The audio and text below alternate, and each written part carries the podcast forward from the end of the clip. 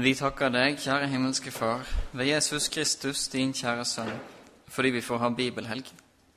Vi takker deg for at vi har en kirke å samles i, og vi takker deg for at du samler oss, og ber om at du må sende Din Hellige Ånd til oss, så vi alle kan få høre det du vil vi skal høre. Gi oss ører å høre med. Amen.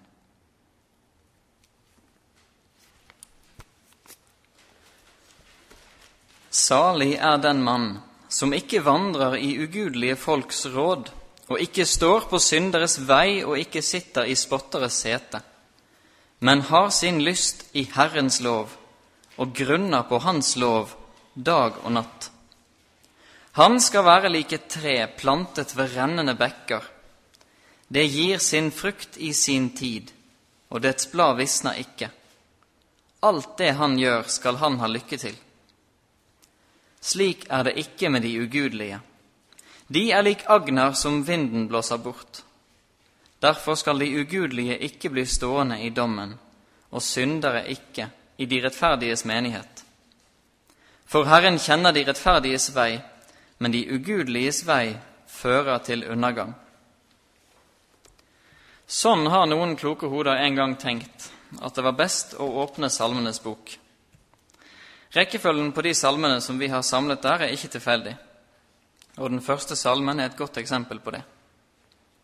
Her får vi kort oppsummert de tankene som det var viktigst å formidle. Hva skal en gjøre, hva skal en ikke gjøre? Hvordan er den rettferdige, hvordan er den ugudelige? Og hvilke konsekvenser har ugudeligheten? Som Jan sa, så skal denne bibeltimen fungere som en innledning til bibelhelgen, og derfor så blir det en del innledende bemerkninger. Vi skal se litt på salmeboken sin struktur, litt om tidlig bruk og en del om hvordan den gammeltestamentlige poesien fungerer. Vi skal også se på hvordan Salmenes bok kan være en relevant og aktuell bruksbok i våre egne kristenliv, da først og fremst som bønnebok. For dere som ikke kjenner meg, så kan jeg eh, tilføye at jeg er 25 år gammel, at jeg er gift med en dame som heter Anne Mari, og at vi har en jente som heter Sofie Margrethe sammen. Vi bor i Loddefjord, Bergens mørke perle. For dere som kjenner meg, så kan jeg bare si hei. Men før vi begynner på det innledende stoffet, så har jeg lyst til å gå en ekstra runde med den salmen vi nettopp leste, salme 1. Som enkelte andre her i kirken så har jeg iblant en forkjærlighet for å undersøke hvordan ting henger sammen på grunnspråket, altså hebraisk. Og Når det gjelder Salme 1, så er det særlig det som sies om treet, som jeg har fått sette under lupen. I vers 3 står det at den som har sin lyst i Herrens lov altså Det står i vers 2. Men i vers 3 står det at han skal være lik et tre plantet ved rennende bekker. I første omgang så forstår vi bildet rett fram. En mann eller en kvinne som grunner på Herrens lov dag og natt, er som et tre plantet ved rennende bekker, i den forstand at det er plantet nærmt livskilden. Dersom vi lar Guds ord ha en stor plass i livene våre, og grunner på det dag og natt, da er vi i mer eller mindre konstant kontakt med det som gir det kristne livet næring. Så langt ganske enkelt, men jeg tror altså at det er mer her. Det hebraiske ordet som alle de norske bibeloversetterne oversetter med 'plante', blir i den viktige hebraiske ordboken til Brown, Driver og Briggs oversatt med verbet 'to transplant'. Og Det bruker engelskmennene for å fortelle at noe er blitt flyttet eller omplassert. Og gjerne at det er en viss anstrengelse inne i bildet. Litt effort. Man rykker opp en plante, og så settes den ned en annen plass. Og Dermed så kan vi si at treet i Salme 1 det er ikke bare det at det er plantet ved bekker, men det har vært en annen plass før, og så er det blitt flyttet til disse rennende bekkene. Og hva slags rennende bekker er det?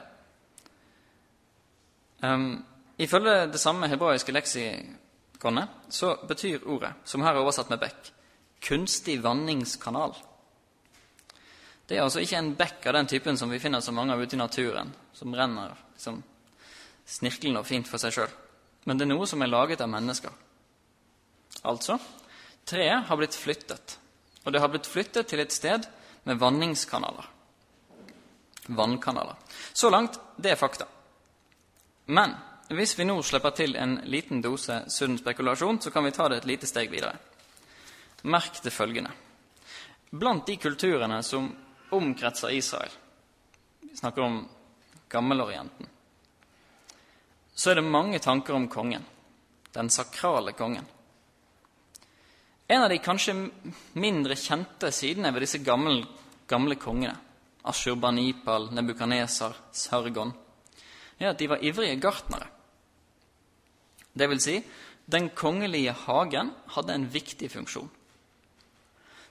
Dette her var lenge før en hadde klare landegrenser, og lenge før en lagde presise verdenskart som alle hadde hengende rundt omkring, og som gjorde at vi gjennom 1800- og 1900-tallet kan se hvordan Napoleon og Bismarck og Hitler og Stalin kommer og ser og forandrer.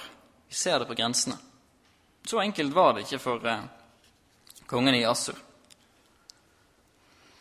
Hvordan kan han da fortelle hoffet sitt at han er en flink konge, at han er en mektig hærfører, at han er ganske skummel?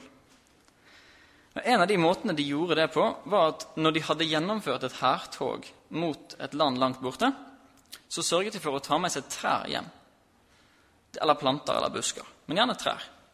Så når de kom hjem til hovedstaden sin, så plantet de de trærne i sin egen hage. Og Så kan de invitere hoffet og så kan de si seg her, dette fine treet her, det, det tok jeg når jeg var og tok Jerusalem. Eller Karkemish, eller hva det var for noe.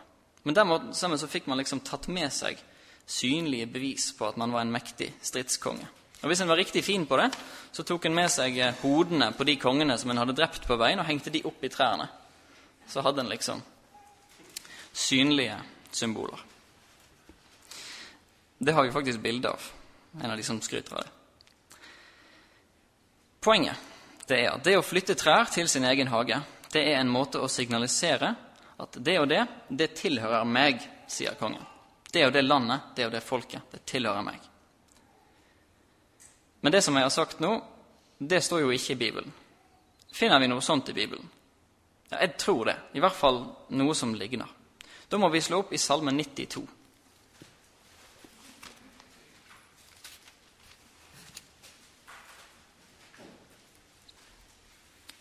Der står det i vers 13 og 14.: Den rettferdige spirer som palmen, som en seder på Libanon vokser han. De er plantet i Herrens hus, de blomstrer i vår Guds forgårder. Det er det samme ordet med, som er plant, med plantet her. Altså, vi kan godt si de er flyttet til Herrens hus, eller de er omplantet til å stå i Herrens hus. De blomstrer i vår Guds forgårder. Vi hører tydelig at de rettferdige de er trær som har blitt plantet i Herrens hus, dvs. Si tempelet i Jerusalem. Når vi da videre kan anta at i tempelet i Jerusalem så var det vannkanaler, altså det var kunstige vanningskanaler, så begynner det å være nok eh, små signaler til at vi kan tro at tempelet òg er inne i bildet i Salme 1. Da kan vi oppsummere. De som har sin lyst i Herrens lov, og grunner på Hans lov dag og natt. De skal være lik trær som blir flyttet til tempelet, til Herrens eget hus. De blir rykket opp fra der de er, og satt i tempelet. Og det er Herren som flytter dem. Og På den måten så sier Gud om disse de er mine. Jeg har gjort de til mine, jeg vil holde liv i de. Det gir sin frukt i sin tid, og dets blad visner ikke. Da ser vi òg hvordan det blir aktuelt for oss kristne vi havner fort i Johannesevangeliet og tanken om kristne som greiner på Jesu vintre. Jeg tror det er to eh, måter å si det samme på. Dette er ment som et eksempel på hvordan vi kan dykke litt ned i ord og vendinger i Salmenes bok og ofte finne mer enn det vi finner ved første øyekast. Når en kristen blar igjennom sin Salmenes bok, sin utgave av Salmenes bok Vanligvis så har jo vi den samlet sammen i hele Bibelen, så ser vi mye forskjellig. Vi har lange salmer, vi har korte salmer. Og for salmeforskningen sin del så har dette vært et av de store prosjektene de siste 100 årene. Hva slags kategorier skal vi bruke som kan være nyttige til å få sortert disse salmene? Forskere elsker jo å sortere Um, og, og, det har de brukt mye energi på. Vi snakker om klagesalmer, om lovsanger, om hymner, takkesalmer eller kongesalmer. Mye forskjellig. Så kan vi skille, sånn som Jan sa i begynnelsen, mellom individuelle salmer og kollektive salmer. Salmer som er ment at én person ber eller synger for seg sjøl, eller salmer som er for hele forsamlingen. Jeg sa at plasseringen av salmene i Salmenes bok ikke var tilfeldig. Og Sånn som det er nå, så ser det ut som at Salmenes bok er delt inn i fem deler. Det kan vi se med en spesiell eh, lovprisningsformular som går igjen på noen bestemte steder. Vi finner den f.eks. veldig tydelig og greit på slutten av Salme 41.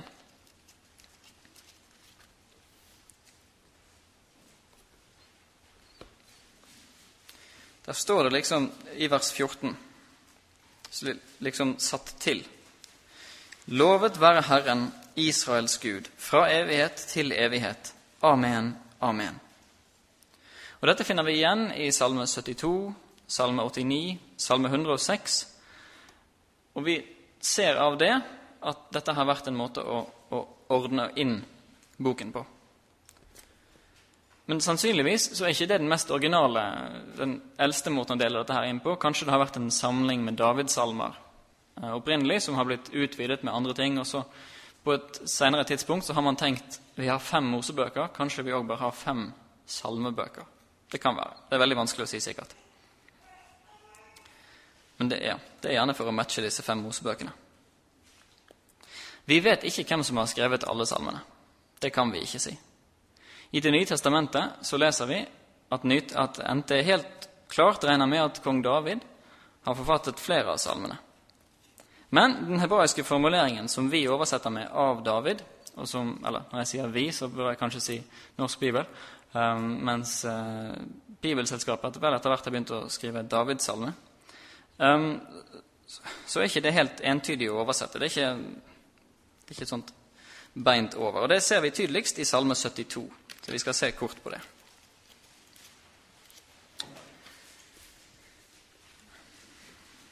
I min bibel så har Salme 72 overskriften 'Av Salomo'. Når det står 'av', så er det en oversettelse av den hebraiske preposisjonen 'le', som betyr mye forskjellig. Det kan bety til eller av eller om eller tilhørende. Også salmen. Og Det er ofte det vi ser med, med de som er av David òg. Vi ser det står 'Mismor eller David', en salme av David. Men på slutten av Salme 72 så står det i vers 20 Ende på Davids, Isais sønns bønner. Så vi har altså av, David vers, nei, av Salomo i vers 1 også noe som får det til å se ut som at det her er av David i vers 20. Hva betyr det? Det kan bety mye forskjellig. Det kan bety at man regnet Salomo sin salme med inn blant Davids-salmene. Eller det kan bety at eh, det ikke skal oversettes med 'av Salomo', men kanskje det skal oversettes 'til Salomo'. At dette er en salme av David til sin sønn Salomo. Det syns jeg er kanskje den mest spennende forklaringen. fordi når vi leser um, åpningen på salmen etter overskriften, så står det i vers 1 altså Gud Gi kongen din rettferdighet og kongesønnen din rett. Et veldig fokus på hvem kongen skal være i denne salmen. Forteller oss mye om det, og det, det passer veldig godt som noe som kan være gitt til Salomo. Men jeg tror vi må si vi kan ikke vite det sikkert.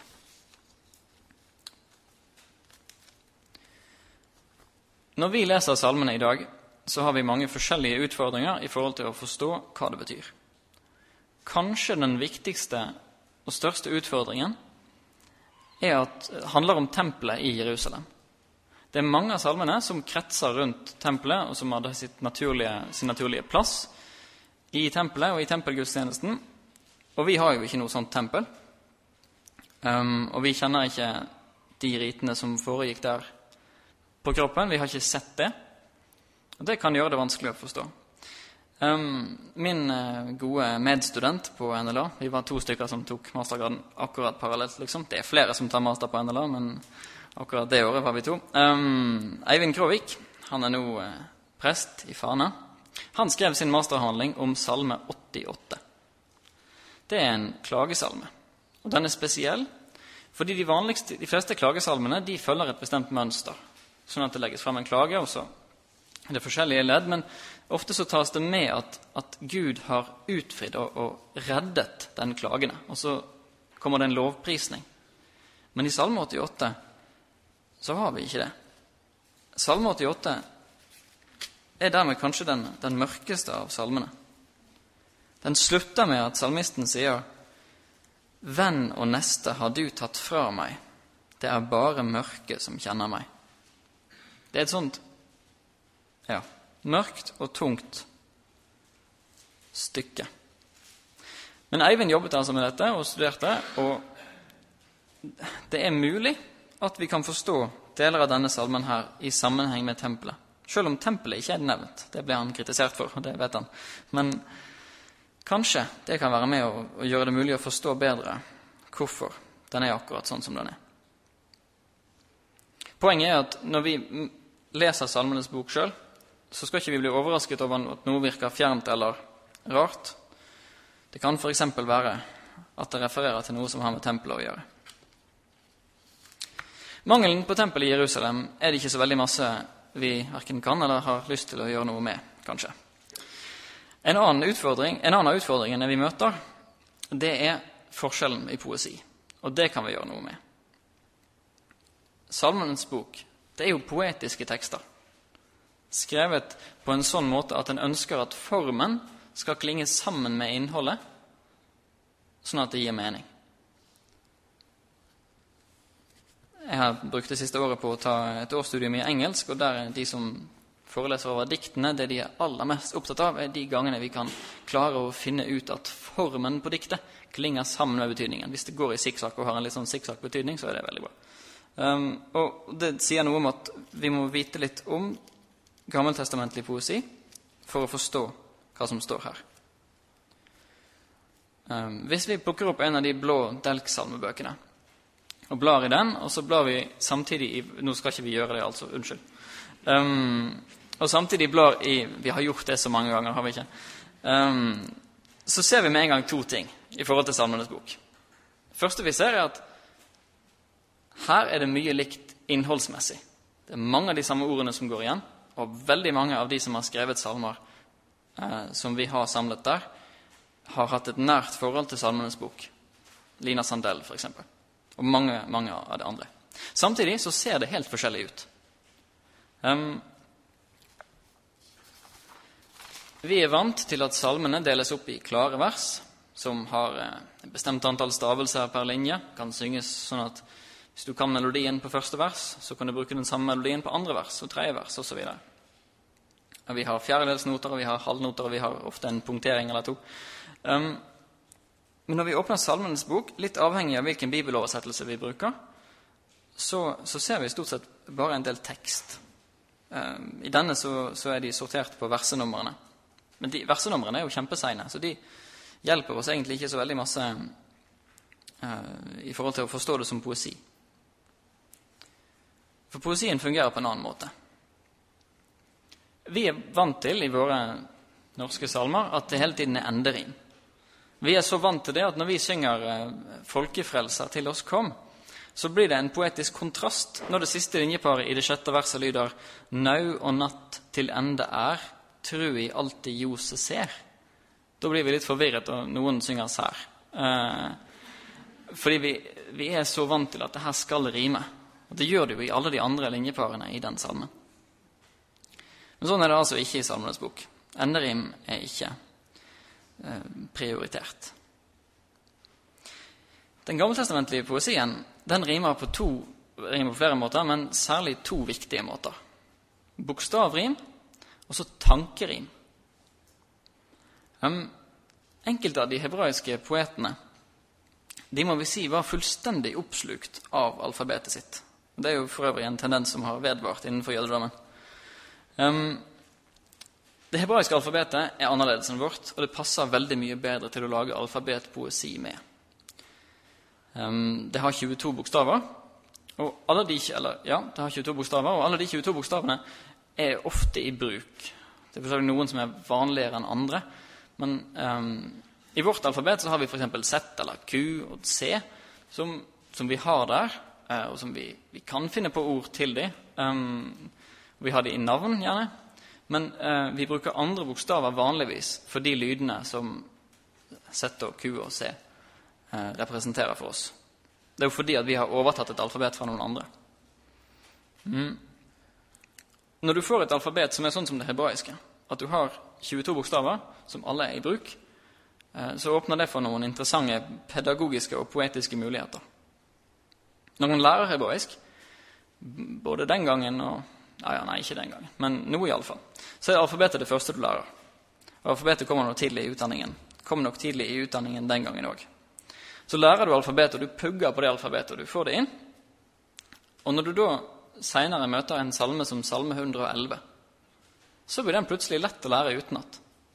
For der har de gjort det sånn, eller salmisten har gjort det sånn, at etter at du åpner med halleluja, så kommer det en linje som begynner på den første bokstaven. Så kommer det en linje som begynner på den andre bokstaven i alfabetet. Og den tredje bokstaven og fjerde bokstaven helt ned til den siste bokstaven. Og det gjør at du, du har på en måte allerede et skjelett inni hodet som du kan legge disse linjene på. Og det er ganske stilig. Men 111 er jo ingenting. Ingenting i forhold til den store akrostiske salmen. Vi kaller det for akrostiske salmer når vi har sånne stilige alfabetoppsett. Det er 119. Um, og der Jeg hadde litt lyst til å, å, drive og vise bilder, og sånne ting, men så konkluderte jeg med at det eneste jeg virkelig hadde lyst til å vise bilder, av, det var Salme 119, så jeg ville spare dere for å ha den dumme skjermen stående der hele tiden. Men dere må sørge for at jeg, kanskje i pausen eller noe, Jan sitter med en hebraisk liten sak der. Så kan dere gå og se hvordan Salme 119 ser ut i den hebraiske bibelen. For det er et syn, enten en kan det eller ikke. Eh, du ser tydelig hvordan det samme tegnet kommer igjen og, kommer, og er nedover. For der er det sånn at salmen er delt opp i 22 grupper på åtte linjer. Og Hver av de åtterne har så sin bokstav i det hebraiske alfabetet. Først åtte linjer som begynner på alef, så åtte linjer som begynner på bet, osv. nedover. Sånn at til sammen er det jo 176 vers her. I tillegg så er det sånn at nesten alle versene har et ord som enten er Torah, loven, eller undervisningen, eller et synonym for Torah ordene eller sånne ting. Så den, det blir en sånn vev av eh, alfabetpoesi som står sammen med det massive uttrykket for eh, tillit til Guds lov og eh, avhengighet av Guds lov, som den salmen er. Eh, er et, eh, den er helt spesiell og er eh, virkelig, virkelig verdt å bruke tid på. Det er så masse her som vi flere av linjene her som vi kjenner, som måtte gå over i, i dagligtalen nærmest. Og i hvert fall sånn at kristne bruker det å minne hverandre om hvert vers her og der. Men den er verdt å lese i sin sammenheng. Og det blir et sånt massivt uttrykk, altså, men vi skal ikke ta oss tid til det nå. I tillegg så, så er det sånn at hver av de åttene har et bestemt tema. Sånn at du får liksom alle, Alef-versene de har et tema, og alle Beit-versene har et tema, osv. Det er òg enklere bokstaver inn på hebraisk enn dette her, dette her med alfabetet. De kan gjøre det på en sånn som vi òg lager bokstavrim. Men nå tok vi de akrostiske tingene, for det er det mest interessante. Så var det tankerimet. Tankerim kaller vi gjerne for parallellismer. Um, og konseptet er det at man har sagt en tanke med en setning, en, eller presentert en idé, kanskje, um, sånn rent kommunikativt. Og så kommer den samme ideen med nye ord, den samme tanken med nye ord, rett etterpå. Og så blir det et tankerim. Det ser vi mange steder. Men vi kan f.eks. se i Salme 2.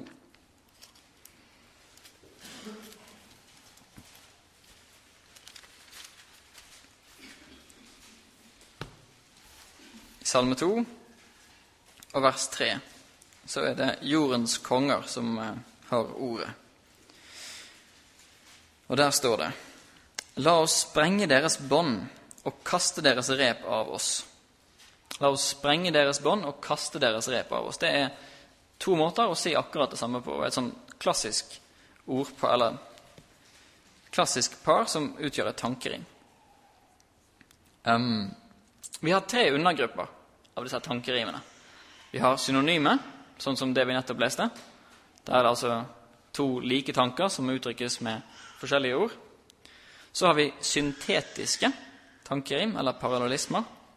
Der er det sånn at, at, det presenteres noe i én linje, og så bygges det videre på det. Det utfoldes i neste ledd. Men de står i et helt klart forhold til hverandre.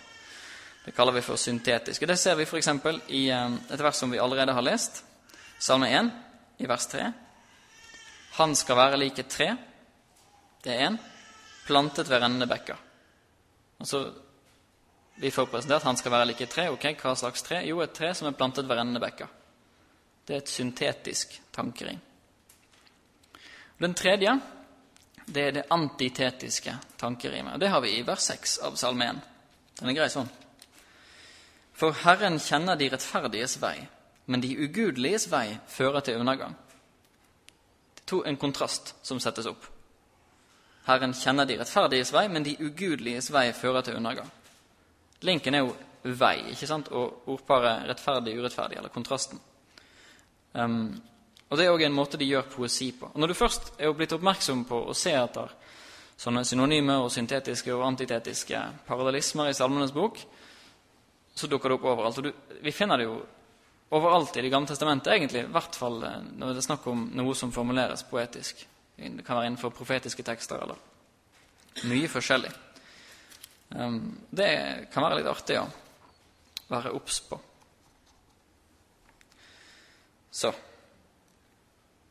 hvordan skal vi bruke dette her? Hvordan kan vi bruke Salmenes bok? Når, vi, når kristne arbeider med sin bibel, så gjør vi det på forskjellige måter. Vi kan lese bøker i sammenheng, eller vi kan grunne på noen få vers. Um, med Salmenes bok så er det sånn at vi først og fremst har nytte av å bruke det ved å be hele salmene. Um, jeg møtte den tanken første gang når jeg var eh, bibelskoleelev eh, for noen år tilbake. Der var det en bibellærer som het Jan Bygstad, som anbefalte dette her. Og det føltes veldig rart. Vi norske kristne er vant til å be eh, frie bønner, i hvert fall for oss sjøl. Vi er jo mange av oss vant til å henge med i en liturgi, og det er egentlig mye av det samme. Men altså, vi ble oppfordret til å forsøke dette her, og det begrunnet, på, begrunnet han på, på, følgende måter. Um, for det første så kan vi se det i Det nye testamentet at dette var sånn folk gjorde. Når vi leser eh, første kapittel i Lukasevangeliet, så står det to fantastiske lovsanger der. Marias lovsang og Sakarias lovsang. Og Når vi leser de, så ser vi at det språket som de ber med, det har de fått fra en plass. Det har de fått fra sin egen kjennskap til Salmenes bok. De har levd med Salmenes bok sannsynligvis hele livet. De har gjerne kunnet Salmenes bok utenat. Um, og når de da sjøl ber, så har de det ordforrådet som Salmenes bok gir, som gjør at de kan formulere eh, sånne bønner. I tillegg så vet vi at, at, Jesus hadde det samme forholdet til Salmenes bok. Men vi ser det helt konkret eh, at han deltar i, i, den jødiske liturgien rundt påskemåltidet, der vi vet at de sang bestemte salmer på forskjellige plasser. Det står jo omtalt ikke sant, at etter at de hadde sunget lovsangen, så gikk de ut. Det refererer til Salmenes bok. Så dette her er noe som har vært med kristne helt fra starten av. Um, og nå har jeg lyst til at vi skal se på to salmer som vi kan be i sammenheng. Den første salmen som vi ble oppfordret til å begynne med, det var Salme 25. Og jeg har lyst til at vi skal ta og be den sammen, vi som er her nå. Da ber vi. Til deg, Herre, løfter jeg min sjel. Min Gud, til deg setter jeg min lit. La meg ikke bli til skamme. La ikke mine fiender triumfere over meg. Ja, ingen av dem som venter på deg, skal bli til skamme. De skal bli til skamme som er troløse uten grunn. Herre, la meg kjenne dine veier. Lær meg dine stier. Led meg i din sannhet og lær meg, for du er min frelses Gud. På deg venter jeg hele dagen. Herre, kom din barmhjertighet i hu, og din miskunnhets gjerninger, for de er fra evighet. Kom ikke i hu min ungdoms synder og mine overtredelser. Kom meg i hu etter din miskunnhet, Herre, for din godhets skyld. Herren er god og rettvis, derfor lærer han syndere veien. Han leder de nedbøyde i det som rett er, og lærer de ydmyke sin vei. Alle Herrens stier er miskunn og trofasthet mot dem som holder Hans pakt og Hans vitnesbyrd. For ditt navns skyld, Herre, forlat meg min misgjerning, for den er stor. Hvem er den mann som frykter Herren? Ham lærer han den vei han skal velge.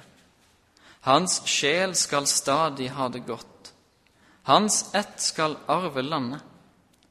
Herren har fortrolig samfunn med dem som frykter ham, og hans pakt skal bli dem kunngjort.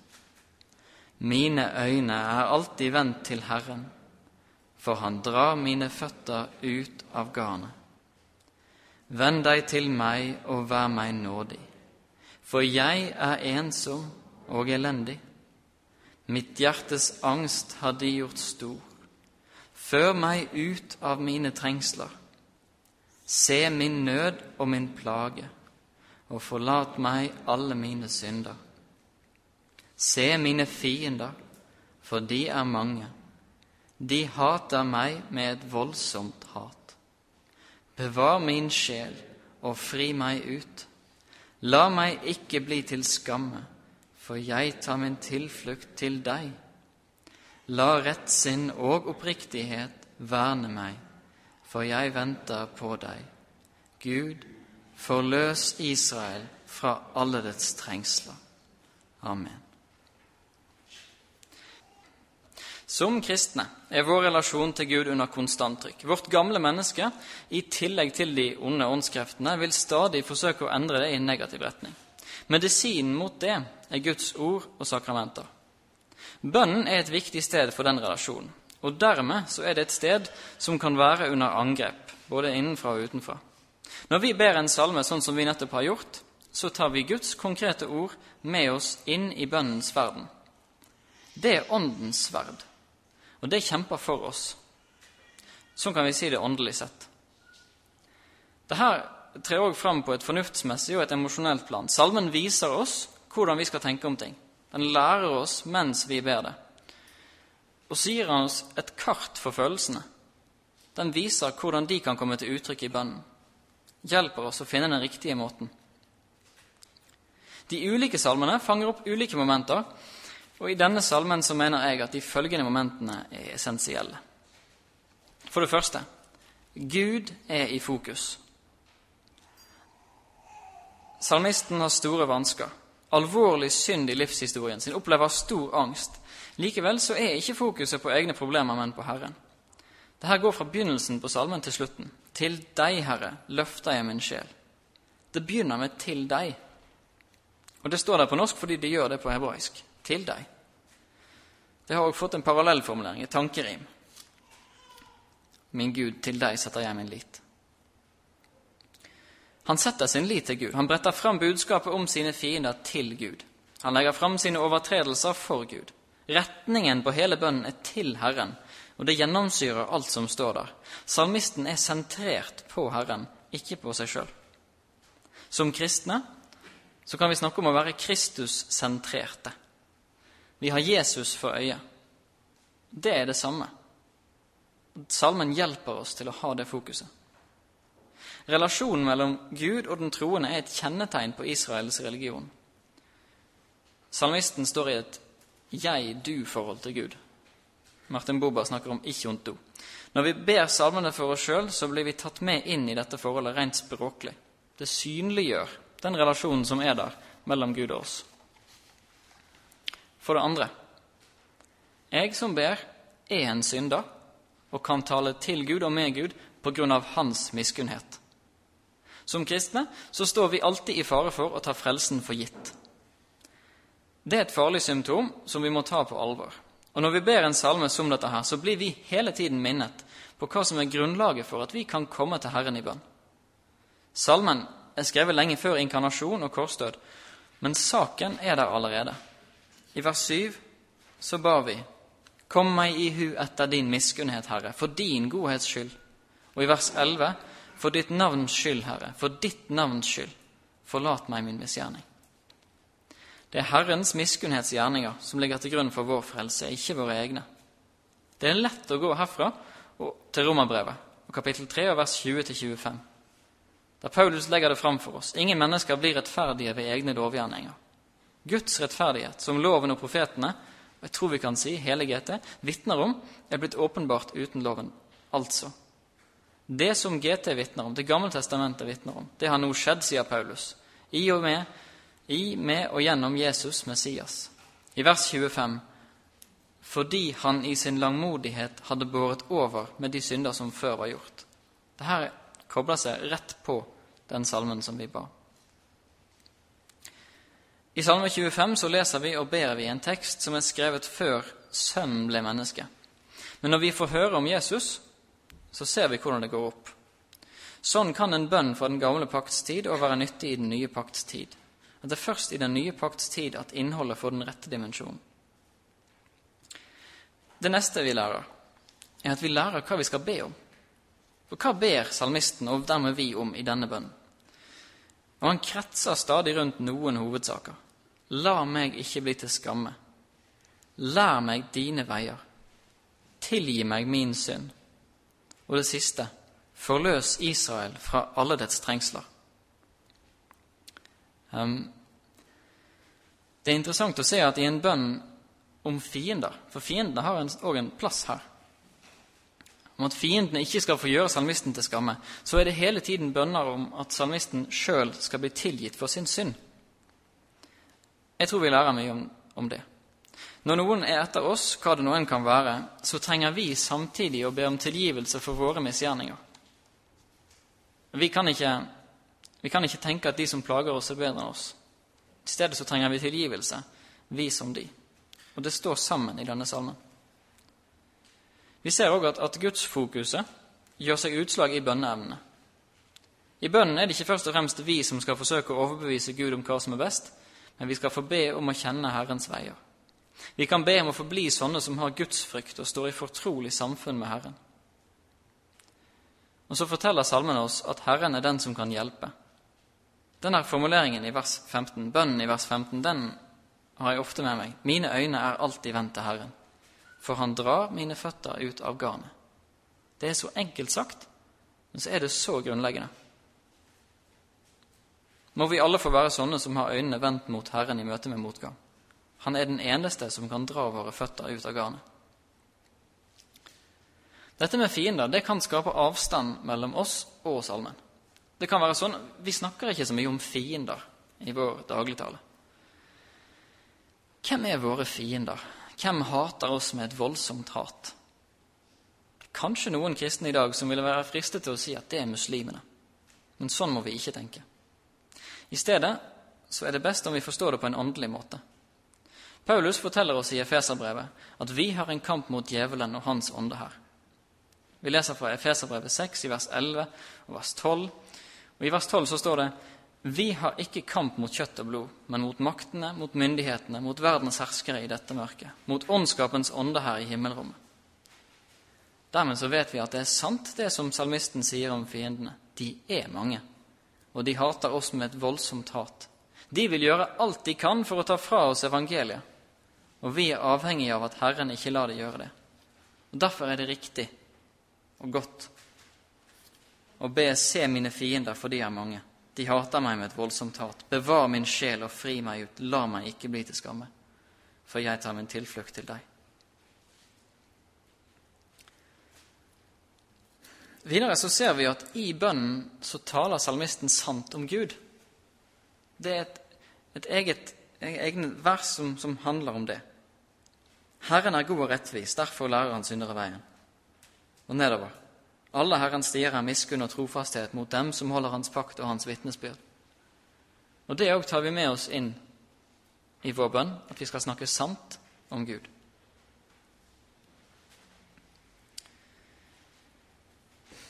Dermed så eh, har vi kommet til slutten på eh, denne bibeltimen. Um, det er fristende å eh, oppfordre til å gå på jakt etter andre sånne bønnesalmer. 32, for eksempel. Men det får bli med 25 denne gangen. Vi har samla tankene våre til slutt. Takk, Herre, for at du har gitt oss Salmenes bok. Nå ber vi om at du må utruste oss alle sammen med lyst og glede og iver, så vi kan bruke den og bli kjent med den og bli bedre kjent med den. Velsign du oss, Herre, med det. Ære være Faderen og Sønnen og Den hellige ånd, som var, er og være skal, en sann Gud, høylovet i evighet. Amen.